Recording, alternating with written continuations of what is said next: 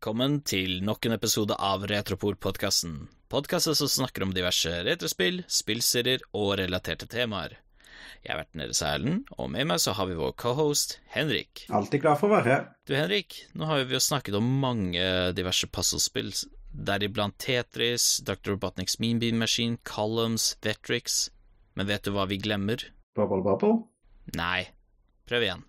Eh, Jeg tenkte på Dr. Mario. ah, stemmer det. Det er jo et spill. For hvordan kan vi glemme det? Det er jo nesten på lik linje med Tetris, egentlig. Så for de som ikke vet det, så går jo Dr. Mario ut på at uh, du er jo da Dr. Mario. Du får utdelt piller med uh, forskjellige farger. Du har jo da tre farger, blå, rød og gul. Pillene vil da bestå enten av én av fargene eller eh, todelt, eksempel at du får en pille som er helt blå, en pille som består av blå og rød, eller en pille som består av blå og gul. Og da er poenget at du må få fire på rad med de pillene, sette de oppå viruset med den samme fargen. Eksempel at det er fire blå vertikalt eller horisontalt satt sammen, og da forsvinner det viruset. Og så er det bare å om å gjøre å fortsette å få de fire på radene med til alle virusene er borte, og da fullfører du levelet og går over til neste. Men hvis du er så uheldig å ikke få fjernet virusene, og at du bare overfyller med piller, da vil du til slutt ende med at eh, det blir overdose, og da taper du. For da er krukka helt full, og du kan ikke bevege deg mer. Mhm. Det som er viktig å tenke, følge med på, er at virusene òg er enten gul, rød eller blå. Og de teller som sin egen brikke. Så hvis du har to røde viruser og legger en dobbel rød oppå de to, så vil det telle som fire på rad, og de vil da forsvinne. Du kan også få kombinasjoner, eksempel hvis en pille består av blå og gul del, så kan du da sette de sammen slik at hvis det er en gul virus rett under den blå, eller ved, eh, ved siden av, men litt nedenfor, så kan du gjøre sånn at når de blå blir borte, så vil da de resterende bitene havne ned på gul, og så blir den borte. Så det er det at når du setter sammen pillene slik at du kan ta ut flere virus samtidig når eh, ett virus blir fjernet, det er det som gjør Dr. Mario så tilfredsstillende, etter min mening, når du får bare masse komboer etter hverandre. Så blir det sånn ah, tilfredsstillende, ass. Ja, og jeg syns ennå det var gøy den gangen jeg fikk en trippelkombo.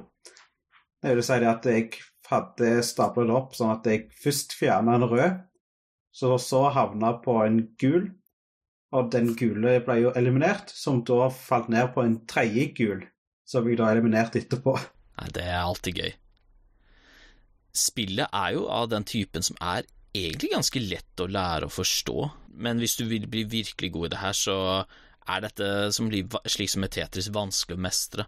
For det er så fort å gjøre en feil hvor du eksempel plasserer virus Nei, hvor du plasserer piller på feil sted eller roterer dem feil, som gjør at du kan havne i en situasjon hvor det er veldig vanskelig å rette opp den feilen. Og spesielt hvis du velger en høy hastighet i spillet, for du kan velge å spille med low speed, medium speed eller high speed.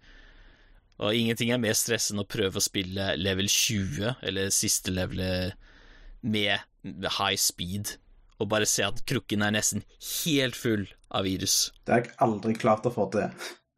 Jeg har prøvd, men jeg har rett og slett gitt opp. Sånn level 10 på maks hastighet har jeg så vidt klart, fordi at det går bare så fort. Og det som er litt interessant, er at Dr. Mario faktisk mindre tilgivelig enn Tetris når det gjelder feil. For gjør du en feil i Dr. Mario, så, så er det så mye større sjanse for at du faktisk har tapt spillet. I forhold til Tetris, da det til en viss grad er mye lettere å komme seg ut av det. Så absolutt. Du kan jo slik som med Tetris eh, spille to player òg, og det er alltid kjekt å knuse vennene sine i Dr. Mario.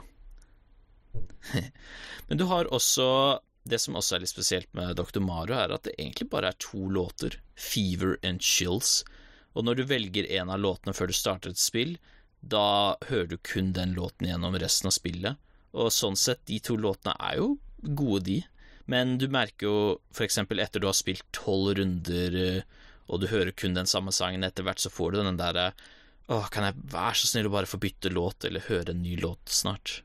Mm. Ja, det blir jo litt sånn, men i det minste så er jo de to låtene i spillet egentlig ganske kule og catchy, og sånn at du må høre på de ganske lenge før du egentlig går lei av de. Mm. Og slik som med Tetris, så har jo det kommet mange ports av Dr. Mario, egentlig. Så det er jo egentlig litt meningsløst å snakke om alle portene som har kommet ut, men heller snakke om de versjonene vi har spilt, da. Jeg hadde lyst til å vite hvor mange konsoller Dr. Mario har kommet ut på.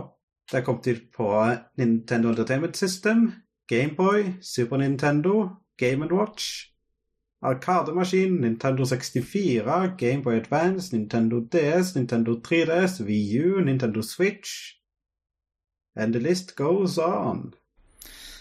Oh, man. Det er jo mange. De versjonene jeg har spilt av Dr. Mario, det er jo da NES-versjonen, Gameboy, Super Nintendo og DSI-versjonen.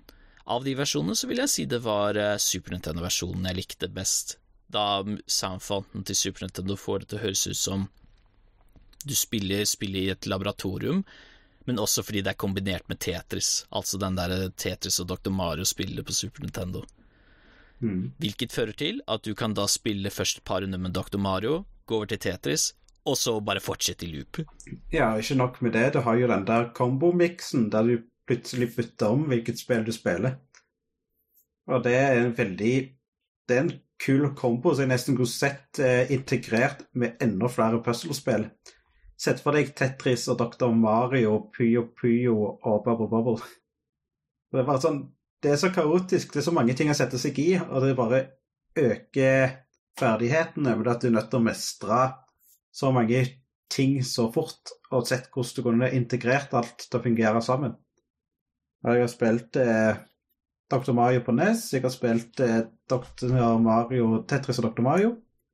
Og så har jeg òg spilt eh, veldig mye Dr. Vario, som da er et spill inni et spill i et spill som heter WarioWare. Og ja, for var ikke det slik du ble introdusert for uh, eh, Dr. Mario også? Jo, fordi at det var en av de unlocked minigamene, og WarioWare var en av de Game Advance-spillene jeg har spilt mest så jeg endte jo med å spille veldig mye Dr. Vario, og det fungerte egentlig helt fint, det. Det eneste minuset kan du vel si, er at det hadde bare chill som musikk, sånn at det Nesten alle forbinder jo Fever når de tenker på Dr. Mario, men med en gang jeg tenker på Dr. Mario, så tenker jeg alltid på chills.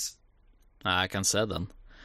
Jeg forbinder nok Dr. Mario mest med Fever, så du og jeg er litt motsatt der. En ting som hadde vært litt kult med Dr. Mario, som jeg også glemte å nevne i stad, det er jo at det hadde vært gøy hvis hver port som kom ut av Dr. Mario, så hadde de lagt til én ny sang, for da hadde spillet fått litt mer variasjon når det kommer til musikkvalg, da. Mm. Utenom det har jeg ikke så veldig mye vondt jeg kan si om Dr. Mario. Det er et spill som rett og slett er avhengighetsskapende og gøy å spille. Det eneste jeg har å nitpicke, det er boksarten til NES-versjonen, da virusene på coveret ikke representerer hvordan de egentlig ser ut in game, og fordi Nintendo har eh, bestemt seg for at det er in game-spritene som er den offisielle designet til hvert virus, så blir jo boksarten til NES-versjonen litt sånn rar når virusene ikke representerer dems ordentlige utseende, kan man si. Ja, men det var jo ofte sånn det var på den tiden, der både veldig mange spillselskaper skulle jo amerikanisere alle boksart og fjerne alt som var japansk.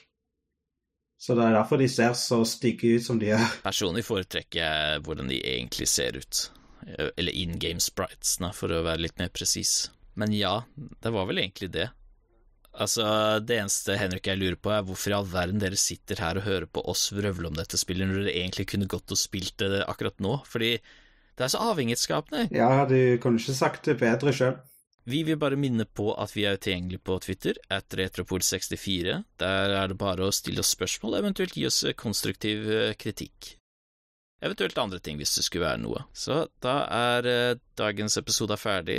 Tusen hjertelig takk for at dere hørte på, og nå skal jeg gå og spille litt Dr. Mario, så ha det bra. Ha det bra, ja.